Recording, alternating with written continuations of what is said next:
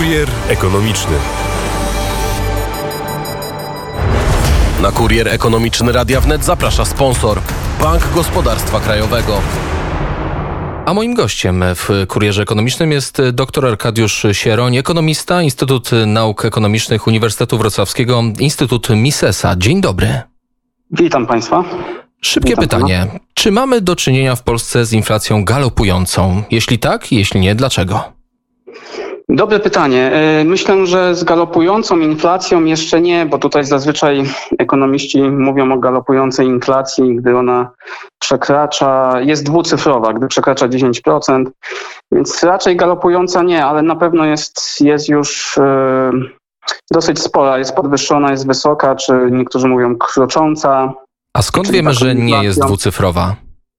Y, Tu, no, tutaj no, według danych GUS-u to wiemy, y, według, y, ponieważ ten szybki odczyt w październiku wynosił 6,8%, więc wiemy, że ta oficjalnie mierzona inflacja, ona nie jest dwucyfrowa, tak? Oficjalnie mierzona to są chyba istotne słowa, bo jeżeli chodzi o mierzenie inflacji, to zależy od tego, co wrzucimy do tak zwanego koszyka, nieprawdaż?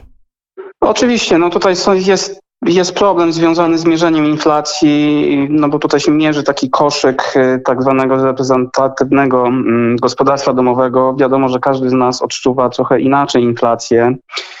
Y, Kiedyś w ogóle ekonomiści mierzyli inflację jako właśnie wzrost podaży pieniądza. Ym, Trochę inaczej właśnie, aby uniknąć tych problemów y, z mierzeniem, z mierzeniem cen. Więc y, trudno powiedzieć właśnie dokładnie, no bo to też zależy dla kogo, dla kogo byśmy mierzyli, tak? To, co możemy powiedzieć, to, że na pewno ta inflacja jest podwyższona i prawdopodobnie ona jeszcze będzie podwyższona przez pewien czas, a być może nawet jeszcze y, szczyt inflacji jest przed nami. W takim razie, zresztą y, podobnie mówił prezes NBP, pan profesor Glapiński. Prawdopodobnie styczeń około tego, tego terminu możemy spodziewać się najwyższej inflacji, a potem ma ona maleć, tak stwierdził szef NBP. A jeszcze a propos inflacji galopującej. Ponoć w jej przypadku nie dochodzi do całkowitej utraty zaufania do waluty krajowej, w odróżnieniu oczywiście do hiperinflacji. Czy grozi nam w takim razie inflacja galopująca?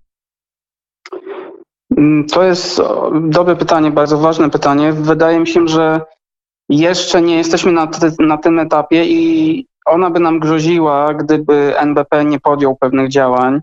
Na szczęście NBP podjął pewne działania i podwyższył stopy procentowe, więc daje się dostrzegać.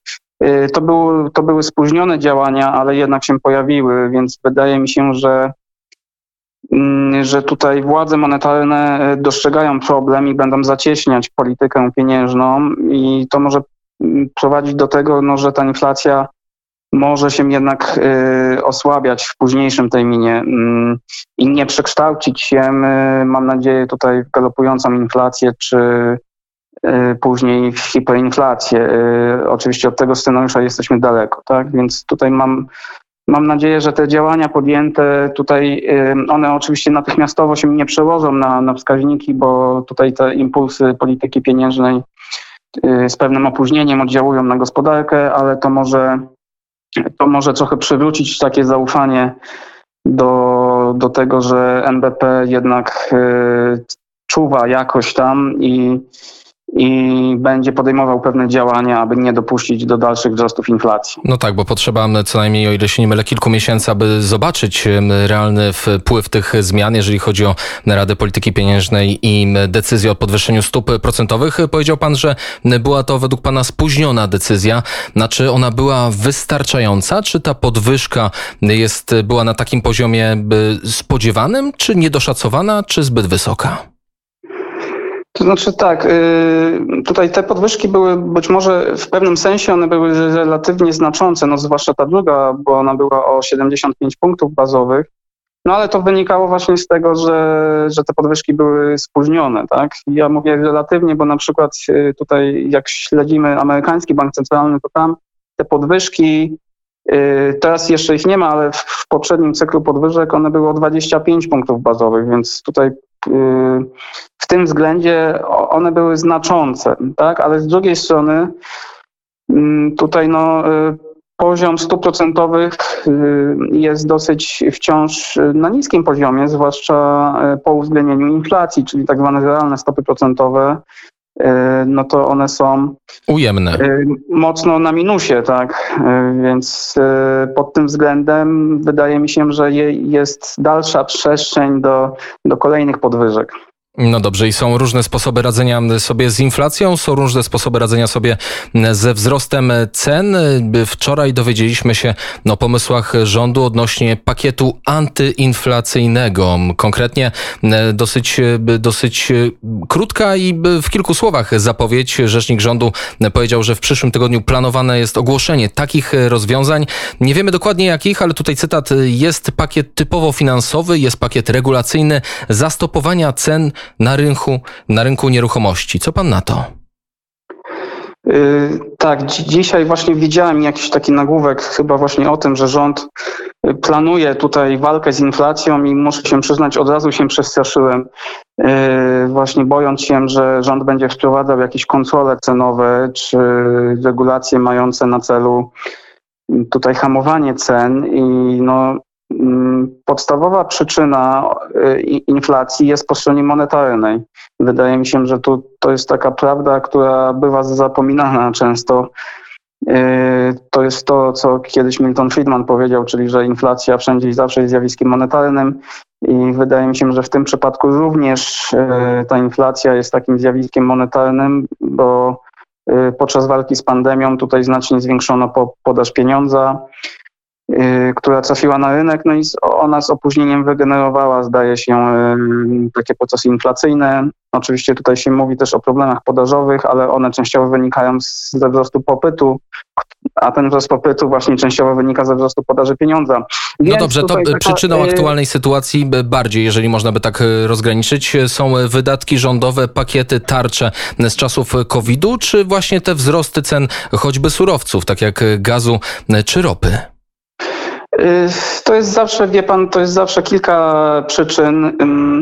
Myślę, że oczywiście są pewne czynniki takie podażowe, tak, ale y, proszę zwrócić uwagę, że tutaj te y, problemy podażowe, one, one wynikają z tego, że znacznie wzrósł popyt i podaż po prostu nie nadąża z, z, dostosowaniem się do popytu. Tak? Więc wydaje mi się, że te problemy podażowe, one jakby tak finalnie wynikają z przyczyn popytowych. I dlaczego o tym mówię? Tak? No bo tu pan mnie spytał o to, jak radzić sobie z tą inflacją, co rząd powinien robić, więc wydaje mi się, że rząd nie powinien nic robić, bo to, to tutaj leży po stronie banku centralnego, czyli bank centralny po prostu powinien odpowiednio prowadzić politykę pieniężną, powinien ją teraz normalizować, zacieśniać w takiej sytuacji. A zacieśnienie pasa przez rząd nie mogłoby pomóc? Y, mogłoby pomóc w ten sposób, y, o ile by się to przyczyniło do, y, do takiej normalizacji polityki pieniężnej, tak? Bo po pierwsze, no tutaj bank centralny mm, częściowo być może zwlekał z podwyżkami, bo nie chciał podwyższyć oprocentowania obligacji skarbowych i aby to się negatywnie przełożyło na, na rząd. Więc oczywiście tutaj, gdyby rząd ograniczył wydatki, to byłoby korzystne i Pewnie też na inflację konsumpcyjną y, tutaj wpłynęłoby ograniczenie wydatków konsumpcyjnych. Y, tak, y, jak wiemy, w, w ostatnich latach tutaj dosyć mocno zwiększono takie tutaj różne świadczenia socjalne, które zwiększają jednak konsumpcję w gospodarce. I wydaje się, że idziemy w stronę kolejnych e, tego typu rozwiązań według zapowiedzi rządu. No dobrze, ale zostawmy tę chwilę. Częściowo pan wspomniał o tym temacie, ale jak pan właściwie ocenia naszą politykę monetarną? No tutaj ostatnie działania Banku Centralnego w Polsce są dosyć takie, no bym negatywnie ocenił, bo tutaj jak już wspomniałem, te podwyżki stóp procentowych, one są spóźnione. E, prognozy NBP są e, nietrafione. Tutaj komunikacja ze strony prezesa mm, Glapińskiego jest mocno taka niespójna. Jeszcze niedawno we wrześniu mówił, że podwyżki stóp e, byłyby szkolnym błędem. To później. A ostatnio mówił, że przecież każdy 6-7-latek wie, że jak rośnie inflacja, to muszą rosnąć stopy procentowe. Tak, też wcześniej mówił, że inflacja nie uderzy Polaków y, w ich kieszenie, w ich portfele. Y, więc tutaj nie wiadomo, jest duża niepewność.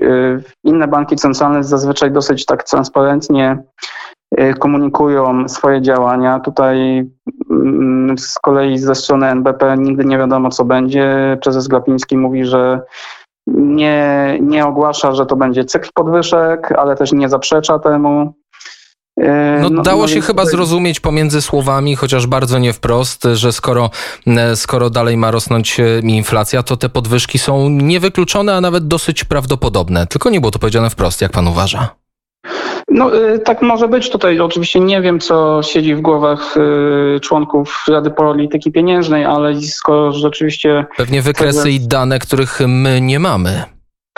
tak, tak, ale no, te modele, te modele są E, one nie do końca się sprawdzają, one systematycznie zaniżają inflację i, i tutaj w ostatnim raporcie e, o inflacji z listopada tutaj NBP prognozuje e, no, znaczny wzrost inflacji, zwłaszcza w porównaniu do, do poprzednich prognoz i, i to ma być 5,8% w przyszłym roku, tak? Więc ta inflacja prawdopodobnie będzie się właśnie utrzymywać, więc rzeczywiście być może kolejne podwyżki nas czekają. No dobrze, a słów parę o tych modelach. No bo jak rozumiem, Narodowy Bank Polski ma modele, ma swoje analizy, dzięki czemu wylicza, y, jakie jest prawdopodobieństwo, tak? Bo to nigdy nie możemy być pewni. No ale na początku roku słyszeliśmy, chyba koło marca, że inflacja nam nie grozi. No to, y, to były te modele, czyli te modele się zmieniły, zostały zaktualizowane. Co to są w ogóle za modele? Jesteśmy, mamy takie informacje?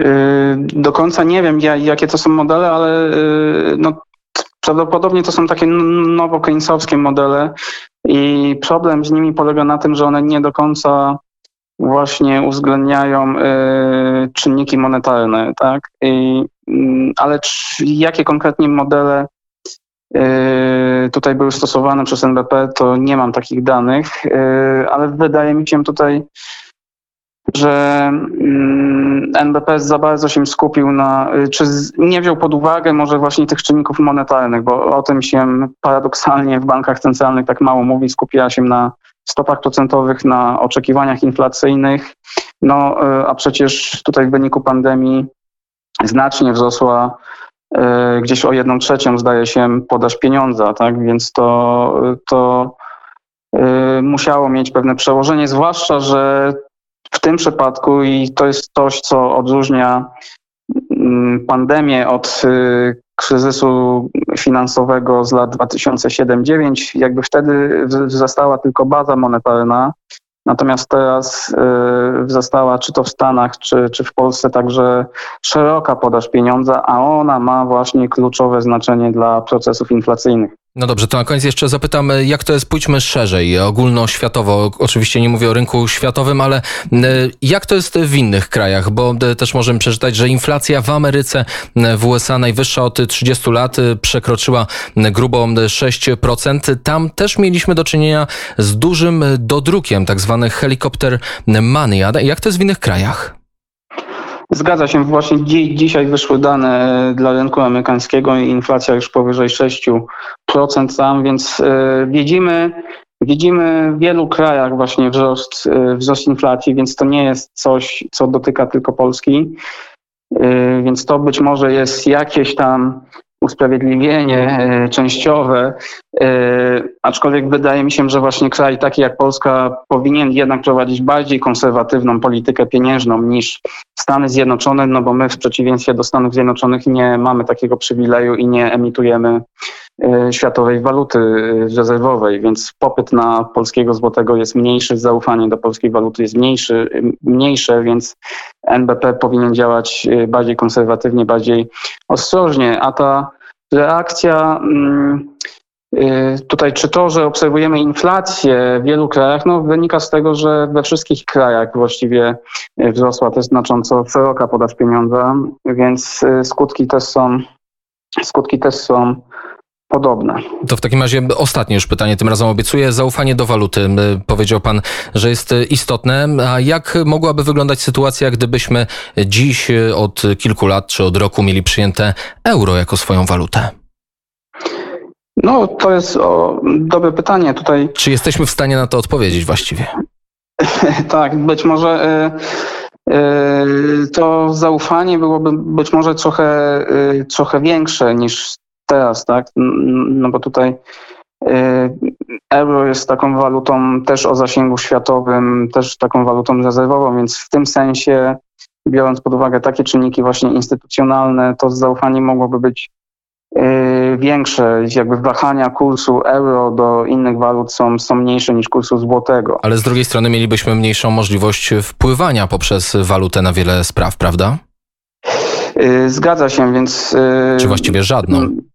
W strefie euro na przykład yy, teraz Europejski Bank Centralny nie, tutaj nie ogłasza czy nie sugeruje podwyżek stóp procentowych, tak? Mimo, mimo tego, że inflacja yy, rośnie w całej strefie euro, a w niektórych krajach yy, całkiem mocno, więc Tutaj to pole działania być może byłoby rzeczywiście ograniczone, yy, a, a tutaj ten kurs walutowy też jest istotny i to też yy, pokazuje, że to nie jest tak, że ta inflacja jest czymś całkowicie zewnętrznym, na co NBP nie miał wpływu, bo NBP ma wpływ przecież na mm, kurs złotego w pewnym sensie, a gdyby, a gdy kurs złotego się umacnia, no to wtedy import y, staje się tańszy i ta importowana inflacja się obniża, więc w ten sposób NBP mógł przecież też obniżyć trochę, y, trochę inflację, gdyby podjął działania,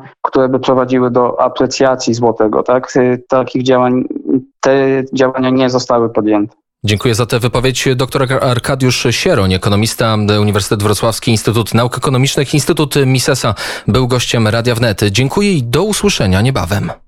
Dziękuję, do widzenia. I wszystkiego dobrego. Kurier ekonomiczny. Na kurier ekonomiczny Radia Wnet zaprasza sponsor Bank Gospodarstwa Krajowego.